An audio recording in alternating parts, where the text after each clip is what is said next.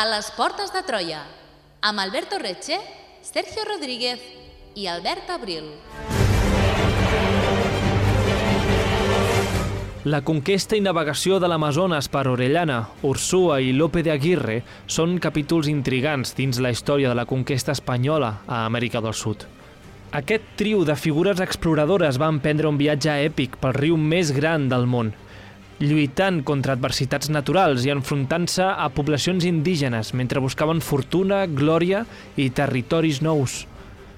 Des de les expedicions inicials fins a les sublevacions i crims, aquesta història del descobriment de l'Amazones és un mosaic de valentia, desesperació i intriga que ha deixat una empremta indeleble en la memòria de la conquesta sud-americana. Benvinguts a la conquesta i navegació de l'Amazones. Benvinguts a les portes de Troia.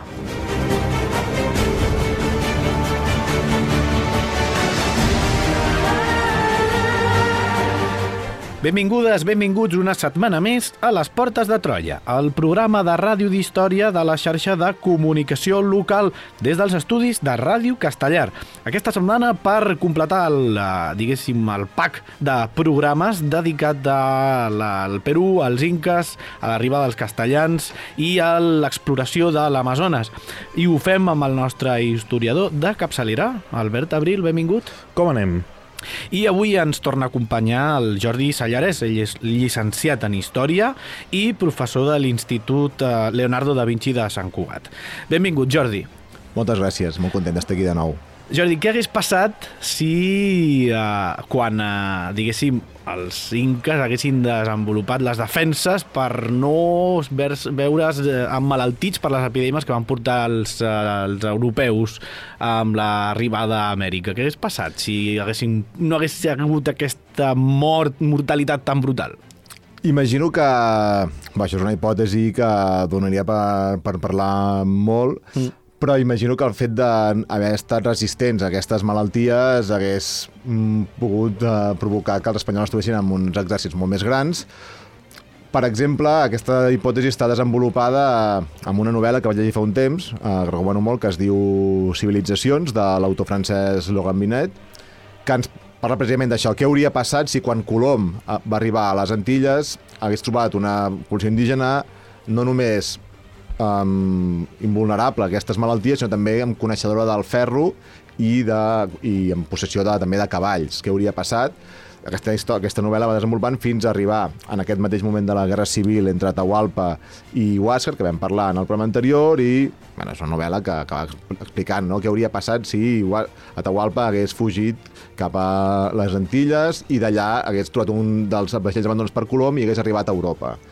Una novel·la del gènere de l'Ucronia, molt, molt recomanable, molt divertida pels amants de la història, perquè et planteja un capgirament total de la història moderna tal com la coneixem. Segueix-nos a facebook.com barra Portes de Troia o a Twitter arroba Portes de Troia. Descarrega't el podcast des d'iBooks o iTunes.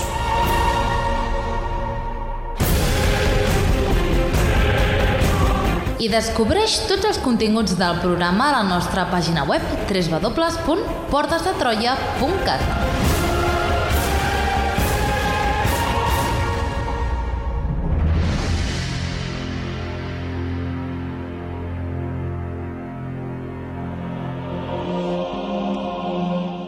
Doncs ja som a les portes de Troia, en aquest cas per parlar de la conquesta i navegació de l'Amazones amb el Jordi Sallarès, amb l'Albert Abril i per qui no hagi escoltat el programa anterior que fa de prèvia del que avui, eh, del que avui, del que avui realitzem. Um, Jordi, fes-nos una miqueta de resumillo, resum de tot el que vam parlar. Bueno, molt breument, uh, vam parlar en el capítol anterior de què és el Perú a nivell um, eh, geomorfològic, a nivell de clima, vam parlar de les cultures preincaiques, l'expansió dels inques amb els cinc o sis últims emperadors d'aquest imperi, fins a l'arribada dels espanyols, de Francisco Pizarro i els seus germans, les guerres que van haver-hi, la resistència dels inques, encapçalada per Manco Inca, i finalment les guerres civils entre el clan dels Pizarro i els seguidors de Diego d'Almagro, uh -huh. que van acabar també amb una proposta no, de Francisco Pizarro d'enviar el seu germà Gonzalo cap a Orient, cap a la zona de la selva, amb una nova missió d'exploració. El país de la canela. El país de la canela, ni més ni menys. Mm. I devia ser més o menys per allà, que és on ens van quedar l'últim programa, que és quan comença a aparèixer aquesta fascinació pel riu de l'Amazones, Sí, més que fascinació, podríem dir que bueno, al final se'n van cap a una zona desconeguda i no saben què trobaran. La fascinació és perquè ells s'imaginen que trobaran. Mm -hmm. uh, que trobaran el dorado, que trobaran una zona molt rica en espècies, i han possibilitat d'aconseguir esclaus i moltes noves riqueses. Molt bé. Tornem, doncs, ja a l'interior del Perú. Deixem un, ho deixem on ho vam deixar després de, de Cusco, 1540, perquè s'inicia una expedició per explorar el territori ja amb un dels nostres protagonistes d'avui, Francisco de Orellana. Però situa'ns, Jordi, com serà aquesta, aquesta expedició? Era gran? Bueno, aquesta expedició, que està encapçalada, com hem dit abans, per Gonzalo Pizarro, en què germà amb un, amb un TDAH no diagnosticat, probablement, de Francisco Pizarro, que dius, aquest tio me l'he de treure de sobre, perquè si no aquí me la liarà. Doncs primer eh, es comença a formar aquesta expedició a Cusco i a finals del 1540 es troben a Quito, on comencen a rebre cada cop més reforços, un total d'uns 280 soldats, més o menys, i gran suport logístic. Les cròniques parlen de 2.000 porcs, 4.000 auxiliars indígenes de les Terres Altes. També aquests 280 soldats, tornem, és el mateix cas que Gonzalo, eh, són tots aquests personatges que si estan sense feina te la poden liar a la mínima i millor tenir-los entretinguts. Mm. Entre aquests nous reforços que s'uneixen a aquesta expedició a Quito s'hi trobarà aquest personatge, Francisco de Orellana, i també un monjo, fra Gaspar de Carvajal, que tindrà una gran importància. Aquesta expedició des de Quito, ja a l'Equador, comença a creuar els Andes amb una travessia, us podeu imaginar, plena de penalitats de tot tipus, des de temperatures inclements, comenta no, a les cròniques que aquesta expedició va viure terratrèmols i erupcions volcàniques. Al final, els Andes, sobretot a la zona de, del Perú i de, i de l'Equador, està plena de volcans, de volcans de gran alçada, de més de 5.000 metres. Uh, per tant, les erupcions volcàniques poden, ser, poden estar a l'ordre del dia. Uh -huh. Falta de menjar, fins a arribar amb forces ja molt justes i provisions molt marmades a la part alta dels rius Napo i Coca, també a la zona de transició entre la sierra i la selva de l'Equador, però també durant un trajecte que han perdut gran part de les bèsties de càrrega i dels indígenes, que sigui per malaltia, per fam o per deserció, han abandonat aquesta expedició. Uh -huh. I què faran quan arriben a aquest punt? Doncs en aquest punt eh, decideixen construir un, un vaixell, el Bergantín San Pedro, que l'utilitzaran bàsicament com un magatzem flotant, però es troben en un moment que l'expedició es troba estancada, no poden ni avançar ni retrocedir. Aviam, aturem-nos un moment perquè val la pena. Sí. Um, estan fets caldo, ens recordes d'explicar. O sigui, és una travessia... Um, Frodo i Sam. És, és horrible, sí, estan arribant a... A, a Mordor, a, no? a Mordor, amb volcans va. i terratrèmols i un ull de Sauron que els mira. Com nassos es posen a fer un vaixell, o sigui, amb dos collons? Com és això, aquesta història? Bueno, ens hem d'imaginar, clar, quan parlem d'un bergantín, de les cònics parlen dels bergantins que es construeixen per navegar aquests grans rius d'Amèrica del Sud, però ens hem d'imaginar més aviat embarcacions molt precàries. Vull dir que podríem pensar en un rai, no?, amb quatre trons de fusta per aconseguir una mínima flotabilitat per poder portar tot el material, tots els, els grans pertrechos, no?, es diu en castellà, i arrossegant-los des de la costa a través de cordes o animals de càrrega riu avall. Més que no pas un vaixell de vela que ens podríem imaginar com el de la pinta a la Niña de Santa Maria. Però hi ha 2.000 porcs, i bueno, ja no seran 2.000, però déu nhi eh? uns quants menys. Val, val, val, déu nhi A més a més, eh, es troba aquesta expedició en aquest moment d'estancament, en una zona molt inhòspita, deshabitada, això la dificultat que els hi afegia. No tenen, no tenen pobles indígenes al, al seu abast a qui poder saquejar, a qui poder robar menjar, um, s'acaben acabant tots els ports que portaven, s'acaben menjant els gossos que portaven els gossos, que és una eina de les que s'utilitzaven per aterroritzar els indígenes, els aperramientos, els, no? Els aperramientos, que tant es parla també, per exemple, en el llibre, d'Antonio Espino, se'ls acaben menjant, comencen a caçar rèptils que troben per allà, però el fet d'haver perdut també gran part dels indígenes pel camí fa que no s'atreveixin aquests espanyols a menjar-se les plantes o els fruits desconeguts per por a, a morir enverinats. Per tant, es troben en una situació molt desesperada. Però arriba el 26 de desembre del 1541, quan Orellana, juntament amb uns 59 homes, entre els quals s'inclou Fra Gaspar de Carvajal, surten riu avall a buscar provisions. Per tant, aquesta expedició de Gonzalo Pizarro es divideix i una expedició més petita, encapçalada per Francisco de Orellana, tira riu avall a buscar menjar. Per tant, ara sí que sí, no? Comença ara el viatge d'exploració de l'Amazones per part d'Orellana? Més que un viatge d'exploració, eh, seria un viatge per anar a buscar menjar. Eh? Perfecte. Vaig al súper i ara torno, doncs, al, al mateix, no? Sigui que no va tornar, ja expliquem després, però Orellana no va tornar. Um, Orellana i els seus homes comencen a navegar al riu Napo i troben els primers poblats indígenes de la cultura Omagua al cap de 9 dies i de més de 900 quilòmetres de navegació. Aleshores troben uns primers poblats on poden aconseguir menjar i revifar una mica, però en aquest moment es presenta un dilema que és el que marcarà el punt d'inflexió de l'expedició i de la història d'aquesta exploració. Què han de fer, ara que han trobat una mica de provisions? Tornar riu amunt Tornem del súper? a, o me'n vaig i m'ho menjo tot jo. Mm. No?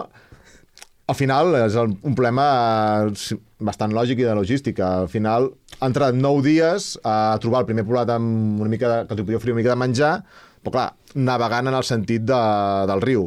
Remuntar el riu seria com a mínim el doble de dies sense garanties de trobar menjar de tornada. Per tant, els hi portaria molt més temps en un territori molt inhòspit sense menjar. Orellana el que fa és decidir abandonar a Gonzalo Pizarro i els seus homes a la seva sort, seguir fins al mar, que ell creia que estava ja a la cantonada, Ja en parlarem d'això. i a tirar el pilot endavant i a veure què passava. Molt bé, has mencionat que es troben amb els omagues i, i que els ajuden, però és una relació només bona? Hi haurà alguns conflictes? Quina relació van tenir amb l'expedició d'Orellana? Bueno, eh, els omagues, com, primer per situar-los una mica, en la seva pròpia llengua, que és una llengua de la família tupí-guaraní, eh, significa la gent que mira o la gent que observa. No, són unes, unes famílies de tribus de la selva amazònica, sobretot de la part més baixa, i ja hem abandonat la zona més dels contraforts dels Andes, estem en una zona més plana, on els rius ja van fent els meandres, naveguen, es navega molt més a poc a poc, són eh, originaris de l'Amazones central, més que seria la zona de, del Brasil, però al final quina relació tenen amb els conquistadors castellans? Bueno, doncs, com sempre, quan es troben uns indígenes amb uns nouvinguts per primera vegada, hi ha una barreja no?, de molts sentiments. Que si por, curiositat, agressivitat, mostres d'amistat... Imagino que podria ser que tinguessin sentiments d'amistat, no?, compartir menjar amb vosaltres, fins que no es demostri el contrari, que sou gent eh, poc de fiar. Imagino que devien haver-hi mm, de, totes, de tots tipus de trobades. Tornem, si et sembla, uh, cap a la decisió d'Orellana, perquè l'hem deixat així una mica penjada. Clar, això d'abandonar Gonzalo Pizarro uh, no tindrà conseqüències? tindrà conseqüències i, a més a més, um, el relat que, ens, que utilitzem, no? que han utilitzat la majoria d'historiadors per conèixer o el relat, o la font primària perquè es coneix aquest viatge, és el relat del propi fra Gaspar de Carvajal, mm -hmm que serveix com, o acaba convertint-se en el cronista d'aquest viatge amb, el, amb la relació del nuevo descubrimiento del famoso Río Grande que descubrió por muy gran ventura el capitán Francisco de Orellana. Aquí Soc, tan, els soc tan fan Són dels, brutals, els dels, títols. dels títols de els l'època. títols, sí, sí, el siglo de oro i havia de tenir molt de... Bueno, Exacte, un molta pompa. títol molt, molt pompós, però al final aquest relat acaba sent una justificació del per què han decidit prendre aquesta decisió en cas de que Gonzalo Pizarro els acabi acusant de traïció, cosa que passarà, Passarà. quan Gonzalo Pizarro, cansat d'esperar que Orellana torni del súper, És que, clar, jo m'imagino...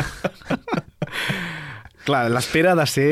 ha de ser molt angoniosa. Encara no, no, no. Com fue por tabaco i ja no va tornar mai, doncs el mateix um, Gonzalo Pizarro torna a Quito amb un viatge també ple de penalitats, amb, amb, quatre, bueno, amb quatre supervivents, que fa? A la, a la mínima ordena que es detingui a Orellana per alta tra traïció i se l'executi. Cosa que no passarà, però bueno, ell és el que voldria. Per evitar aquesta, aquesta acusació de traïció, Orellana i els seus homes s'empesquen una argúcia legal. renuncien en un cert moment a Orellana, com a capità d'aquesta expedició d'anar a buscar menjar, renuncia al comandament. Això fa que es trenqui el vincle amb la missió que li havia encomanat al seu superior, que era Gonzalo Pizarro. Uh -huh. Al moment que queda alliberat d'aquesta missió, la tripulació li demana que torni a agafar el comandament i que encapçali una missió que tindrà com a objectiu sobreviure. Uh -huh. Per tant, es desfà de la seva, del seu encàrrec d'anar a buscar menjar i agafa un nou encàrrec de, amb qui hem de sobreviure. Però totalment desvinculat de la missió anterior. Te pillé, Pizarro. Amb aquesta argúcia legal no m'enxamparàs pas. Exacte. Perquè, clar, justament uh, és la manera legal d'intentar driblar aquesta possible detenció per... Que és que, Per alta traïció, sí, per sí. alta traïció, correcte. Uh, quines diferències de plantejament de viatge pel riu Amazones hi ha, hi, hi ha entre Pizarro i el, que, i, i el que inicia el nou comandant flamant Orellana? Bueno, són vàries. Primerament, la missió de Gonzalo Pizarro era trobar el Dorado en el país de Canela i enriquir-se. Al moment que es queden allà estancats, la missió que els hi encomana a Orellana als seus homes és anar a buscar provisions. Orellana simplement el que farà serà eh, encapçalem aquesta expedició per anar cap al mar i sobreviure i a veure què passa. També adentrant-se altre cop al desconegut. Mm -hmm. I uh, què té d'important aquesta separació de les tripulacions en la descoberta de l'Amazones? Bueno, separació és quan ja el nou objectiu passa de ser de buscar el dorado i enriquir-se a simplement sobreviure. Ja en, entenem o es pot entendre que si ens trobéssim en aquella barca precària amb Morellana i amb Fraga Espart de Carvajal ja no estaríem pensant en enriquir-nos perquè estem ja vivint la realitat de què és aquesta Amazones des del principi, no? quan tu te- t'imagines, no? pues vaig a enriquir-me a buscar el dorado, vale, molt guai, però un cop estàs allà en aquest riu tan gran, tan ple de perills, l'únic que vols és sobreviure. I ja les riqueses potser ja passen a un segon pla d'importància. Clar, i això de les provisions és, clau. Justament, tu has, ho has esmentat abans. Orellana pensava que el viatge duraria ben poc perquè l'oceà no estava tan lluny, però, per tant, en aquesta previsió, diguéssim, tampoc no aniria gaire preparat. O, o com seria aquesta expedició que ell comptava que seria molt més curta del que finalment doncs, va ser? Clar, clar, quan es fa una missió una expedició que va a terra desconeguda, sobretot en aquella època que no hi havia manera de saber què es trobarien, ningú mai va prou preparat com per afrontar el que acabaràs trobant-te. Per tant, com és aquest viatge? Doncs són molts mesos de navegació per un riu enorme, el riu Amazones, amb els seus afluents, a mesura que es van trobant, es va eixamplant, les parts més amples són de bastants, uns quants quilòmetres d'amplada, d'una riba a l'altra no es veu, Val? No es veu l'altre costat de, de terra. Si ha estat mai a l'Amazones, doncs sabrà de què, de què parlo. Carvajal, com a cronista d'aquest viatge, ens parla de les penalitats del viatge, de les malalties que pateixen els homes, de la gana que pateixen, dels animals perillosos que es troben dins i fora del riu, els mosquits, per exemple, que sé que fa poc vam fer un programa que parlava dels mosquits, doncs va ser un, bueno, un dels animals que més va incordiar aquesta expedició i que ha provocat també més, més morts. I de, de fet, perdona que tallé Jordi, però fa res, fa un mes, ara no sé si fa dos mesos o així, encara érem a desembre del 2023, uh, vam dedicar precisament un programa als mosquits i a com transmetien malalties Exacte. i, i tot. Vull dir que si algú vol aprofundir una mica més al tema, doncs els hi recomanem escoltar aquest programa bio, biohistòric, perquè l'Alberto va fer de biòleg de capçalera també. Mm, molt bé. Així que endavant. I, perdona, endavant. No, no, Jordi. i a part d'això també les tribus que s'anaven trobant hostils a, al llarg de, del riu, però també aquesta crònica ens serveix per mm, anar coneixent unes terres desconegudes fins aleshores, força habitades i pròsperes, al llarg de- d'aquests afluents de, que serà l'Amazones, els rius Napo, el Marañón, Ucayali, tots aquests noms que són noms posats a posteriori. Al final ells van navegant per uns rius i els aniran mm, posant uns clar. noms amb, a mesura que van descobrint, doncs aquest serà el riu tal, aquest serà el riu l'altre. Més avall, encara aquest riu, eh, hi ha a la zona del Brasil, al voltant de o sigui, la regió de Santarém, en una zona coneguda com a Tapajós, eh, Carvajal ens parla de poblats molt grans, amb una estructura gairebé urbana, um, on, on es troben uns guerrers molt ben armats i disciplinats, que fa que l'expedició d'Orellana pugui escapar amb prou feines en vida. També ens parla d'unes tribus de, on les dones tenen un paper molt important en la guerra i que Carvajal les citarà com a amazones. Mm, I d'aquí sortirà el nom del riu? Exactament, uh, perquè al final aquest uh, Gaspar de Carvajal parlarà del riu de les Amazones i aquest riu de les Amazones acabarà convertint-se en el riu Amazones, posteriorment. A les portes de Troia, la història a la ràdio. Descobreix tots els continguts del programa a www.portesdetroia.cat.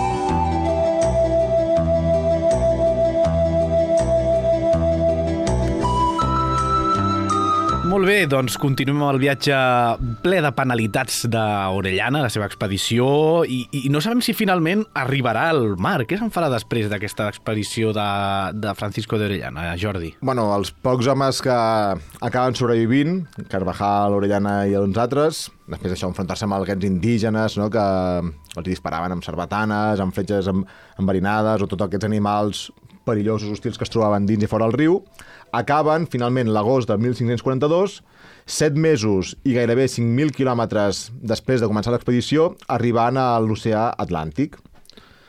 Des d'aquí, Orellana podrà tornar a Espanya, on Carles I el rebrà i li donarà l'encàrrec de continuar aquesta exploració de conquesta d'aquest territori acabat de descobrir, nombrant-lo governador de Nova Andalusia, però, òbviament, aquest encàrrec de conquesta i colonització d'aquest nou territori provocarà un conflicte amb Portugal arran del Tractat de Tordesillas. Nueva Andalucía. Sí, Nova Andalusia Sem és... Sembla un nom d'un partit polític, no? Neva Andalucía. Podria ser-ho. Podria, podria ser-ho.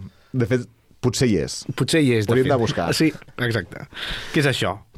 Nova Andalusia és el com es va anomenar inicialment les zones que comprenen l'actual Colòmbia i Venezuela, um, per part dels exploradors espanyols, però que més tard va derivar en el regnat de Nueva Granada i el Perú. Mm. Però inicialment es- se'ls va donar el nom de Nueva Andalusia. Molt bé, perfecte. I com és el final de la vida d'Orellana amb aquest nou encàrrec? Quin, serà la seva, la seva tornada? Com serà? Tres anys més tard, després de, de que haver acabat la navegació de l'Amazones, retorna a la desembocadura de- d'aquest riu per fundar-hi dues ciutats i començar... La... La Ha de passar un temps perquè les picades de mosquits, Exacte. a, tot això se li ha de passar. Exacte. Molt bé. I a començar aquesta colonització encomanada per Carles I, però un poc temps després, al cap de això, uns mesos, morirà eh, de malaltia sense haver pogut completar la missió encomanada per Carles I. Però, això sí, Orellana, malgrat no haver pogut acomplir aquesta última missió, passa a la història com el primer europeu en haver navegat de forma continuada al riu Amazones i haver intentat aquesta colonització aquesta conquesta. I ara ja per tancar una miqueta ja l'expedició d'Orellana. Va ser aquesta, la prim, uh, aquesta primera navegació de l'Amazones, un viatge al paradís? Uh, I suposo que és un tema que ha donat um, per parlar moltíssim. No és així, Jordi? Doncs sí, perquè molta controvèrsia i perquè la imatge que dona aquesta crònica de mm, Carvajal contrasta una mica amb la imatge més adènica no? que, que tenim en ment eh, quan parlem de la selva de l'Amazones, que potser és aquella que prové més del món de l'ecologisme o fins i tot de, del món de, de la visió tradicional dels científics, on ens parlen no? d'un Amazones com un jardí o un Aden verge, sense modificar, habitat per tribus de caçadors-recol·lectors que no modifiquen el territori, que viuen en harmonia amb la, amb la natura i que, a més a més, amb arguments més científics, um, es descarta, no?, o es diu que és molt difícil l'existència de grans nuclis urbans degut a les, a les condicions climàtiques molt adverses, al, o un sol molt pobre en nutrients que no permet l'agricultura. Però aquest debat, o aquests arguments científics i ecologistes, contrasten amb alguns estudis més recents d'antropòlegs, arqueòlegs, historiadors o geògrafs, on sí que han trobat diverses evidències materials que potser no corroboren al 100% la imatge o el relat de, de Gaspar de Carvajal, però sí que veuen plausible o viable que poguessin haver-hi cultures urbanes o gairebé urbanes, sobretot a la part baixa de l'Amazones i a la part més de, del Brasil, on s'han trobat ja molts més materials que poden donar aquesta evidència de qüestionar una mica la imatge aquesta tècnica de selva sense modificar. Molt bé. Uh, les exploracions a l'Amazones continuaran amb un home de nom Pedro de Ursúa. Qui és? Pedro de Ursúa, um, bueno, aquí vam fent un petit uh, parèntesi, fins ara la majoria dels exploradors que hem parlat, com Orellana o, o els germans Pizarro, Almagro, o fins i tot Hernán Cortés, eren tots d'origen extremeny o castellà, uh -huh. però els personatges que parlem a continuació, Ursúa i Lope de Aguirre, ja avançant, avançant una mica, seran d'origen de les Vascongades. Pedro de Ursúa, uh, fill d'una família noble de la Vall del Baztán, de Nafarroa, i posteriorment a Lope de Aguirre provinent d'Oñati a Guipúscoa. Pedro de Ursúa, um, com els altres bueno, homòlegs que se'n van a Amèrica a fer fortuna, provinent d'una família nobiliària empobrida, no té res a fer, doncs l'envien a les Amèriques a entretenir-se. Comença la seva, la seva vida militar a Amèrica amb les campanyes contra els indis muzos i tairones a Nova Granada, a l'actual Colòmbia entre els anys 1549 i 1551. Allà és on també entra en contacte amb les llegendes del Dorado. I, mm. per tant, cau també un altre cop a, no, en el pou aquest d'ambició on cauen tots els conquistadors castellans i espanyols. Vols explicar una miqueta més quines activitats va dur a terme el nostre estimat Pedro de Ursúa? Exacte. Després d'aquestes campanyes inicials no, a, a Colòmbia, se'n va al Panamà entre el 1554 i el 56, on se li encarrega la, bueno, la missió de sufocar una revolta dels esclaus negres cimarrons que havien fugit de les plantacions, la sufoca i el virrei del Perú, amb qui havia coincidit al Panamà, el convida a Lima el 1558 i com a gratitud pels serveis prestats el nomena governador i capità general del país dels Omagües i de l'Amazones. Aleshores, eh, clar, l'Amazones havia estat descobert per Francisco de Orellana 10 anys abans, avui estat navegat per ell, Pedro de Ursúa veu l'ocasió d'or per sortir a buscar el Dorado, perquè ell sabia, no? havia sentit parlar molt del Dorado, sabia que estava per aquesta zona de l'Amazones, doncs si em nomenen capità general d'aquestes contrades, és la meva ocasió per anar a trobar aquest Dorado. I, és clar, eh, eh, parlar d'El Dorado significa que no et faltaran pas efectius per nodrir una expedició, oi? Exactament. Um, molts soldats uh, sense feina s'uneixen a aquesta expedició. Tornem, eh, els soldats sense feina que han de buscar-li alguna sortida, canalitzar tota aquesta energia i potencial uh, destrucció que poden dur a terme, doncs mm. aneu a explorar aquests territoris desconeguts, aneu a, a buscar fortuna. Entre tots aquests soldats, i també centenars d'indis com esclaus i esclaus negres, s'hi unirà un soldat, un veterà soldat anomenat Lope de Aguirre, provinent d'Oñate, a Guipúscoa. També eh, s'hi afegirà en aquesta expedició la amant de Pedro de Ursúa, Inés de Tienza, que era filla mestissa, mig inca mm, i mig espanyola, eh, d'un dels col·laboradors de Vasco Núñez de Balboa, Vale, sí, eh, per qui no sàpiga, va ser el primer castellà que va arribar, uh mhm. -huh. després de creuar l'isma del Panamà, al Gran Mar del Sud, conegut posteriorment com a l'Oceà Pacífic. Um, situem el Lope de Aguirre perquè ens caldrà més endavant en el programa i a més a més és un personatge que ens, se'ns ve anticipant amb la banda sonora d'aquest mm. pack de dos programes, així que qui era aquest senyor? Al final se m'entisiva molt perquè realment jo reconec que volia fer aquest programa per parlar de Lope de Aguirre. Eh, o sigui, hem és, arribat on volies. És un fetitxe. Sí, és un fetitxe, és un fetitxe que tinc, sí, sí. O sigui, després d'una hora i mitja en total entre dos programes, no? Exacte, ara s'ha descobert el pastís. no, Lope de Aguirre hi han divergències, es creu que va néixer en 1510 o 1518, no està clar exactament quin any, a la zona d'Oñati, a Guipúscoa. El 1536 va arribar al Perú, coincident amb l'època que s'estava duent a terme el setge de Cusco. Posteriorment, també és de les cròniques que va estar a Nicaragua i finalment el 1551 va estar a Bolívia, a la zona del Potosí, també en diferents missions, fins que el 1560 s'uneix a l'expedició de Pedro de Ursúa. Molt bé, i ara ja enfocant-nos en aquesta expedició d'Ursua, on hi ha Lope de Aguirre, hi ha altres personatges eh, importants, com, que seran importants, com bé ha explicat el Jordi. Quin recorregut tindrà aquesta nova expedició? Eh, com funcionarà tot?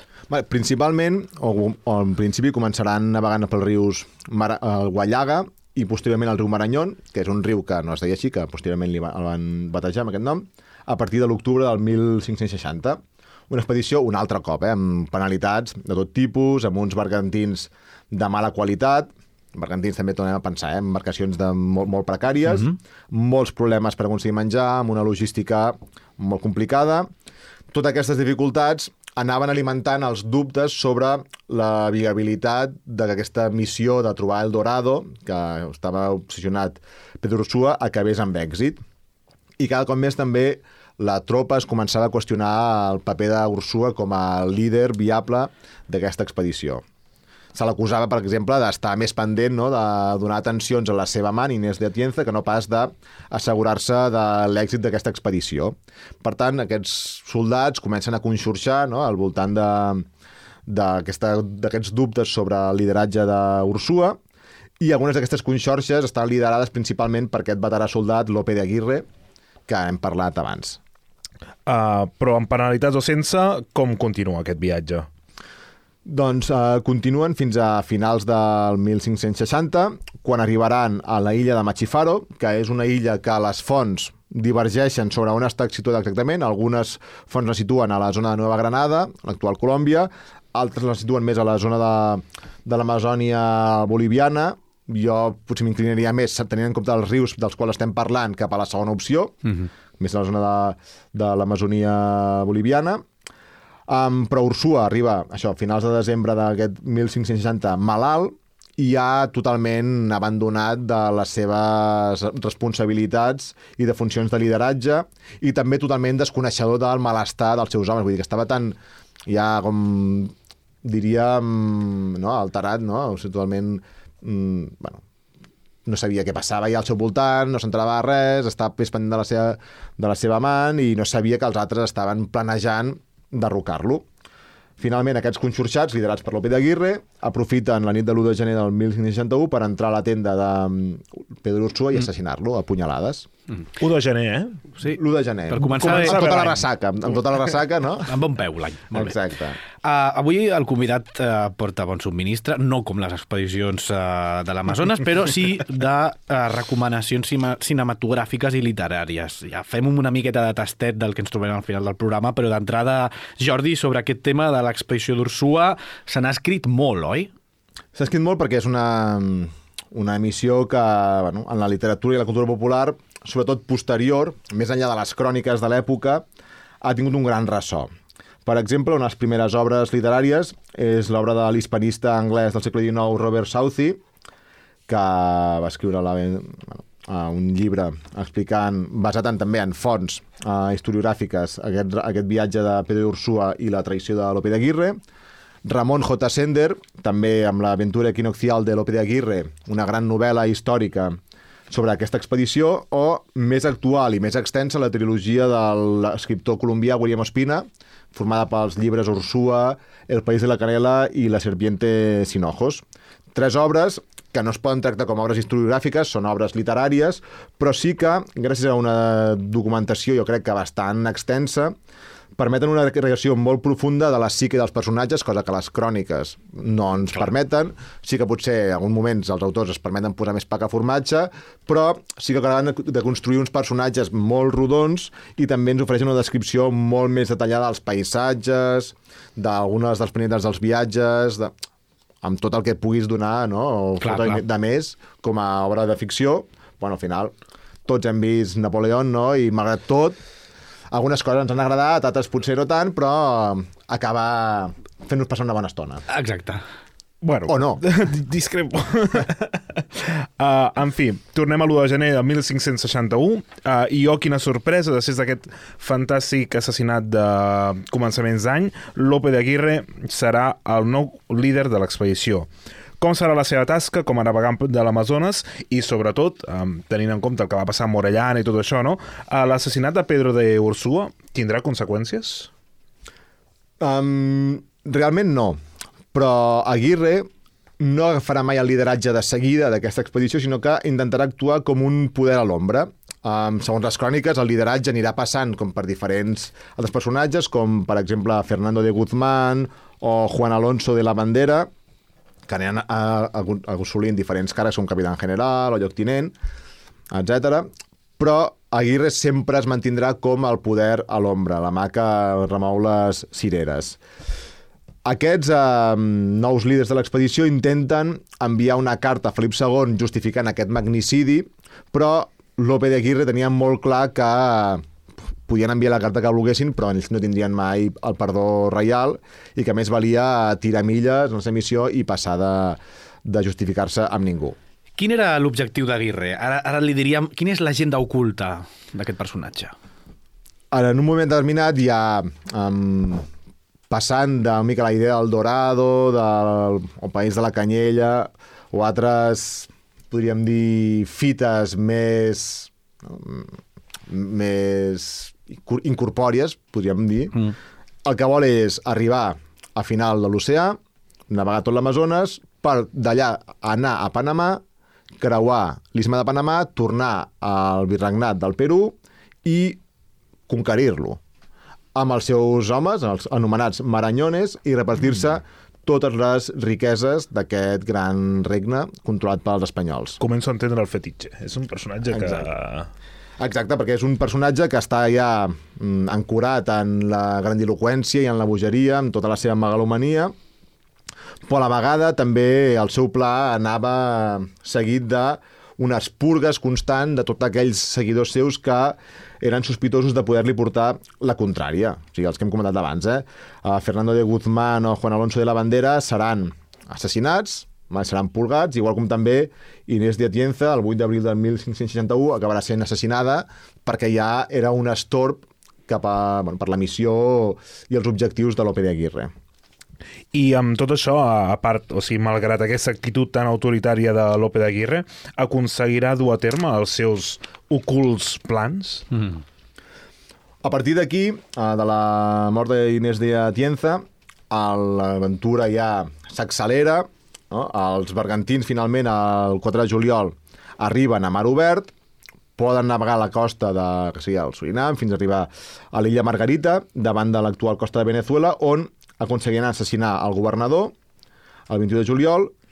Un mes més tard desembar desembarcaran ja al continent sud-americà, a, a Nueva València, l'actual Venezuela, on, això sí, l'expedició de, de Lope de Aguirre començarà a patir algunes primeres desercions. Alguns dels seus acompanyants, alguns dels seus soldats, estaran ja farts d'aquestes arbitrarietats, d'aquest perill constant, no? els, els, els atacs d'ira d'aquest Lope de Aguirre, i començaran a abandonar la missió, Finalment, el 22 d'octubre arribaran a la, a la població també a l'actual Venezuela de Barquismento, on trobaran una gran resistència del governador local i això farà aquesta resistència que molts dels seguidors, alguns dels seguidors de l'Obe Aguirre, segueixin desertant.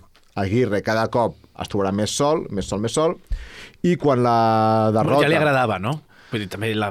trobar-se sol... Estava content amb un mateix, Exacte. sí, sí, ja cada cop aguantava menys als altres, però quan la derrota ja és inevitable, 29 d'octubre del 1561, segons les cròniques, Aguirre va cometre el seu darrer acte de follia assassinant a la seva pròpia filla, que no hem dit, però sí que va estar present en tota l'expedició, la seva pròpia filla Elvira, abans de morir el propi Aguirre per les armes dels seus propis homes. O sigui, van ser els propis homes d'Aguirre que van acabar assassinant a Lope d'Aguirre després de que ell hagués assassinat a la seva pròpia filla.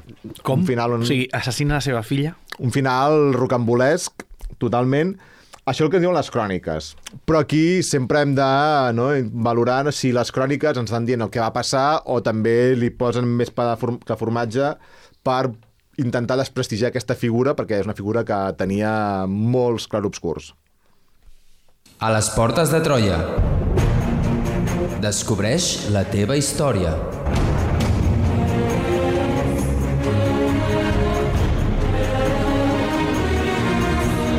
Troba'ns a facebook.com barra Portes de Troia i a Twitter arroba Portes de Troia.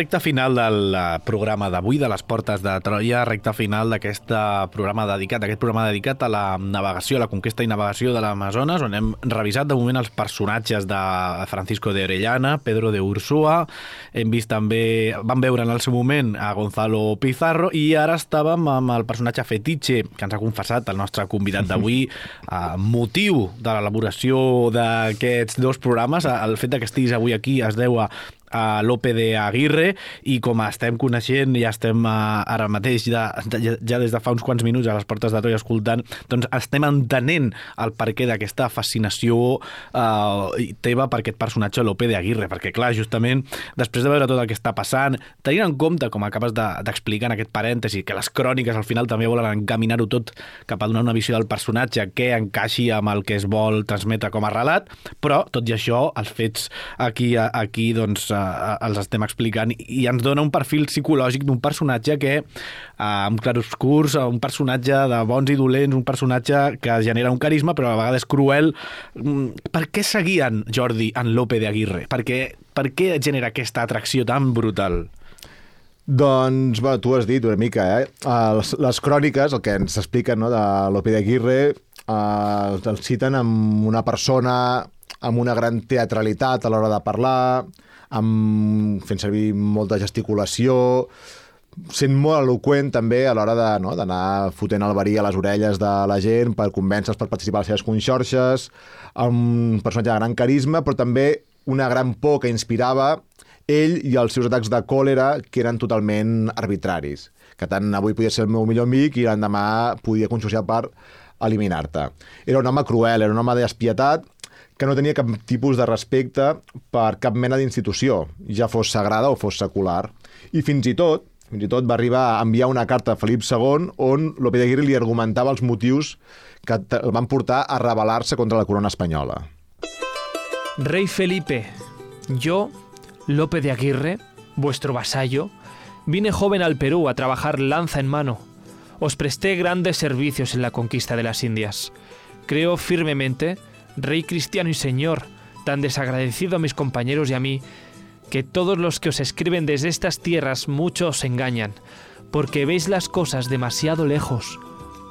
Os recomiendo que seáis más justo con los buenos vasallos que tenéis en este país, pues yo y los míos, cansados de crueldades e injusticias que vuestro virrey, vuestros gobernadores y vuestros jueces cometen en vuestro nombre, hemos resuelto dejar de obedecer y ya no nos consideramos españoles.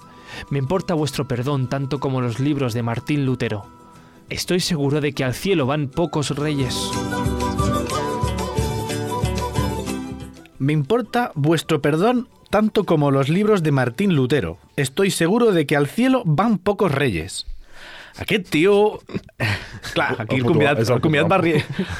va eh, i, i, i se l'escolta ja perquè, clar, aquest tio és un grande.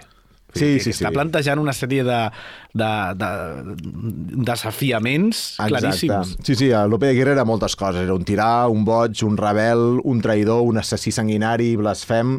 Aguirre ha estat tot això, ha estat molt més que tot això. Segurament per aquest motiu, i potser per això també a mi m'atreu tant, no? la seva figura ha despertat tant d'interès i tantes passions creuades al llarg de la història. Per exemple, es diu que Simón Bolívar va considerar a Lope de Aguirre un dels primers libertadores d'Amèrica Llatina segles abans de l'inici del procés d'independència, i la seva follia, la follia de Lope de Aguirre, s'ha narrat en els formats més diversos. Hem parlat d'alguns dels llibres, no? que més endavant potser tornarem a, a parlar-ne breument, però d'entre totes les narracions de la follia de Lope de Aguirre, potser que sigui, i aquí, en galto, amb la, aquests, no? Aquest, en aquestes cançons que anat mm -hmm. escoltant, uh, la pel·lícula Aguirre de Zorn Gottes, de Werner Herzog, del 1972, amb l'immortal Klaus Kinski, a tot el que el conegui, fent de Lope de Aguirre un paper que realment, qui conegui Lope um, Klaus Kinski, perdó, sabrà que aquest paper li anava com en ell el dit, sigui una de les versions més recordades i celebrades. Lope de Aguirre, podríem, la seva història és una oda a la bogeria dels homes empesos per la set de poder i la set de riqueses. Aquesta pel·lícula on la podem veure? Aquesta pel·lícula es pot veure, crec que a Filmin, mm. i diria que en plataformes així seria bàsicament aquesta. I la recomanes, doncs, eh? La recomano molt, és una pel·lícula dels anys 70, és una pel·lícula densa, però um, bueno, qui li agradi al director Werner Herzog, un director que li agrada molt filmar les pel·lícules sempre a l'escenari on succeeixen els fets, sense llum artificial, mm, amb unes condicions um, tècniques molt precàries, però amb uns resultats molt, molt poètics, fins i tot. Recomano mirar, ni que sigui per YouTube, la introducció d'aquesta pel·lícula, que és amb aquesta amb l'inici de l'expedició d'aquests castellans baixant pels camins inques des de les muntanyes cap a la selva amb aquesta música de fons és una autèntica obra d'art. Farem, farem una ullada un cap de setmana que tinguem. Abans d'arribar al separador... S'ha de la- tenir la- filmin, eh? Ah, S'ha de tenir filmin. Val. Crec que en tinc. Ah, val. Llavors, mirarem, mirarem. Um, abans d'arribar al separador de les recomanacions, no, que ens n'has portat moltíssimes, uh, tenim uns minutets per fer-te un parell de preguntes que ens hagin quedat així una mica a l'aire. A mi, per exemple, m'ha agradat molt l'atenció uh, tota la història al voltant de la Inés de, de Atienza, no? que a, a, Atienza, no? Atienza, Um, mm, què, Atienza. Atienza. Què, què en sabem d'aquest personatge i per què té un, un paper tan bueno, rellevant en aquest cas no? a la- a l'expedició? Um, segons les cròniques, bueno, ha, o sigui, ha les cròniques que parlen de l'expedició, però sí que el que sabem més, almenys el que jo he pogut conèixer més d'aquest personatge és a través d'algunes d'aquestes novel·les, vale? que sí que és una, on han entrat més en el paper que juga aquesta dona en aquesta expedició. Òbviament, les cròniques de l'època entenem que li podia importar més aviat poc no? el que pogués pensar una dona o el que pogués fer. Però tot i així, les novel·les ens parlen d'aquest personatge, Inés de Tenza, com un, això, doncs una filla mestissa d'una princesa inca amb un, amb un conquistador espanyol, d'una gran bellesa que va com captivar a Pedro de Ursúa i també altres membres de la seva expedició, que un cop Pedro Ursúa va ser um, assassinat, se la disputaven per veure qui guanyava no, els favors d'aquesta descendent d'una princesa inca, fins que al final Lope de Aguirre va considerar-la més un estorb per l'expedició més que no pas una altra cosa i va decidir també assassinar-la. Com a la seva filla, Exacte, no, tenia, no li tremolava la mà a l'hora de decretar execucions. Molt bé, i uh, arribats a aquest punt, ja hem, hem acabat amb aquest perfil, amb aquesta semblança de Lope de Aguirre, un personatge, sens dubte, que, com has dit, i ara ens explicaràs també, ha generat molta, molts llibres, molta bibliografia, aquesta recomanació cinematogràfica que ens acabes de fer. Uh, a partir d'ara, després d'aquesta expedició d'en Lope de Aguirre, què passarà amb l'Amazones? Es seguirà explorant l'Amazones? Es seguirà buscant els llocs aquests fascinants que se'n parla però que no es troben? Uh, com anirà la, el que serà la navegació de l'Amazones uh, pel que resta del segle XVI i, uh, i cap al segle XVII? Bueno, al final, la tasca de conquesta i colonització d'aquestes terres vull dir, no, no, no s'aturarà mai, després d'aquest viatge de Pedro Ursúa i Lope de Aguirre. Òbviament, cada, cada regne, no? el regne de Portugal, amb la zona que seria el posterior Brasil i el Corona de Castella amb les zones més que estarien vinculades amb la zona de, de Bolívia, Colòmbia, Venezuela, però cadascú amb la seva zona d'influència. Però al final és un territori molt vast que fins i tot a dia d'avui, segons com, podríem mm. dir que hi ha zones que es coneixen poc. Tant Correcte. sigui a nivell de, que contenen a nivell biològic, no? d'espècies animals, vegetals, etc. És una zona que al final ha despertat molt interès per la gran riquesa eh, en recursos naturals que té. No només recursos biològics, sinó també minerals, o petroli, fins i tot, eh, posteriorment. I com s'anirà navegant, eh, doncs imaginem que sí que hi haurà una millora tecnològica no? en el fet de construir aquests, aquestes embarcacions precàries en un primer moment, es va millorant fins que bueno, s'aconsegueix una navegació molt més fluida i s'acaben bueno, doncs, eh, construint unes xarxes de comunicació bueno, més, més bones entre les diferents, mm, bueno, entre les diferents cultures indígenes que es troben en aquesta gran extensió que és la conca de l'Amazones, la conca hidrogràfica més gran del món, mm. perquè és una, bàsicament una via fluvial, que la construcció de carreteres, parlant ja del present, és una aportació encara molt, molt incipient, molt recent.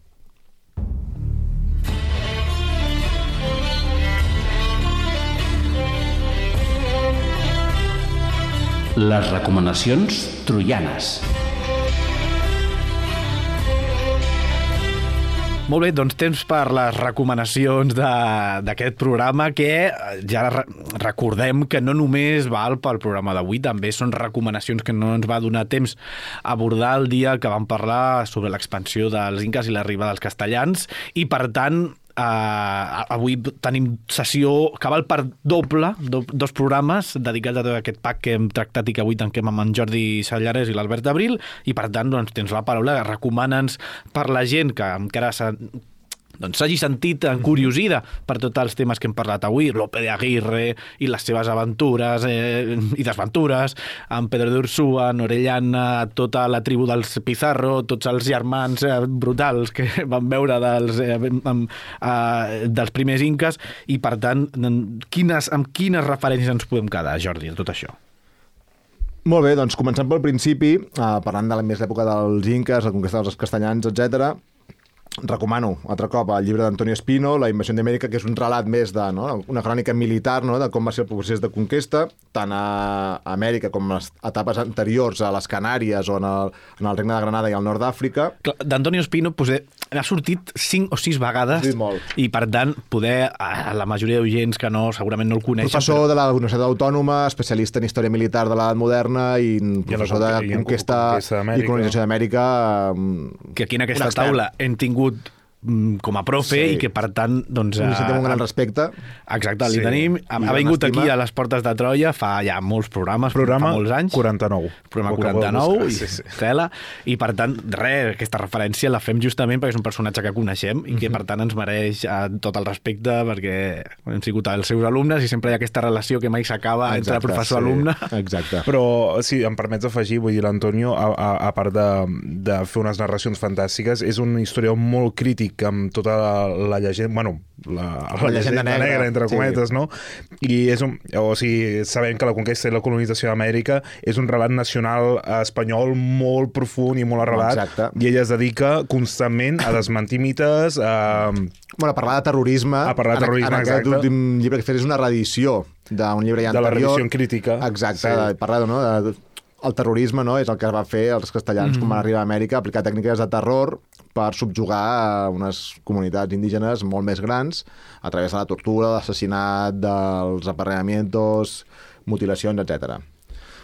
Una altra recomanació que podria fer, un llibre que jo sí que he utilitzat molt per preparar és el llibre 1491, Una història de les Amèriques antes de Colón, de Charles C. Mann, publicat per Capitán Swing, una de les editorials de referència, en, llibre, en assaig, un llibre que parla de la història de l'Amèrica precolombina, però tant d'Amèrica del Nord, Central i del Sud, per, per tant, de, molt completa, aquest llibre, i sobre ja l'última part que hem parlat, dels viatges d'Ursua i, i Lope de Aguirre. Recordem. Exacte, les obres de Robert Southey, l'expedició d'Ursua i les crímenes d'Aguirre, l'obra de l'escriptor espanyol Ramon J. Sender, l'aventura equinoccial de Lope de Aguirre o la trilogia de William Ospina, escriptor actual colombià, Ursúa, La serpiente sin ojos i El país de la canela. Molt bé, Jordi. Més passat... enllà de la pel·lícula que torno a recomanar, Aguirre d'Erzon Gotes, del magnífic Werner Herzog. I que podeu veure a Filmin. Exacte. Què, Jordi, tu has passat bé? Molt bé. Aprofito també, si em queda algun segon, per enviar una salutació als companys de l'Institut Leonardo da Vinci Evidentment. i excompanys com jo. Víctimes, exacte, víctimes de les grans purgues que van haver-hi i els envio una forta abraçada a tots i a totes. Ah, jo també, molt bé. Jordi, doncs encantat de que estiguis avui aquí, com a excompany, com a company, com a amic, aquí a les portes de Troia, parlant d'aquests dos, parlant en aquests dos programes, d'aquests grans temes que ens han portat i que t'hagis pogut treure l'espina de Lope de Aguirre. Estaràs content? Molt, molt, content. Molt I moltes gràcies. A tu per venir, moltíssimes gràcies, Albert Abril. A vosaltres, moltes gràcies. En Carlos Lecegui, a les narracions i el control tècnic, i qui us parla, Sergio Rodríguez. Nosaltres us esperem la pròxima setmana amb un nou episodi de Les Portes de Troia.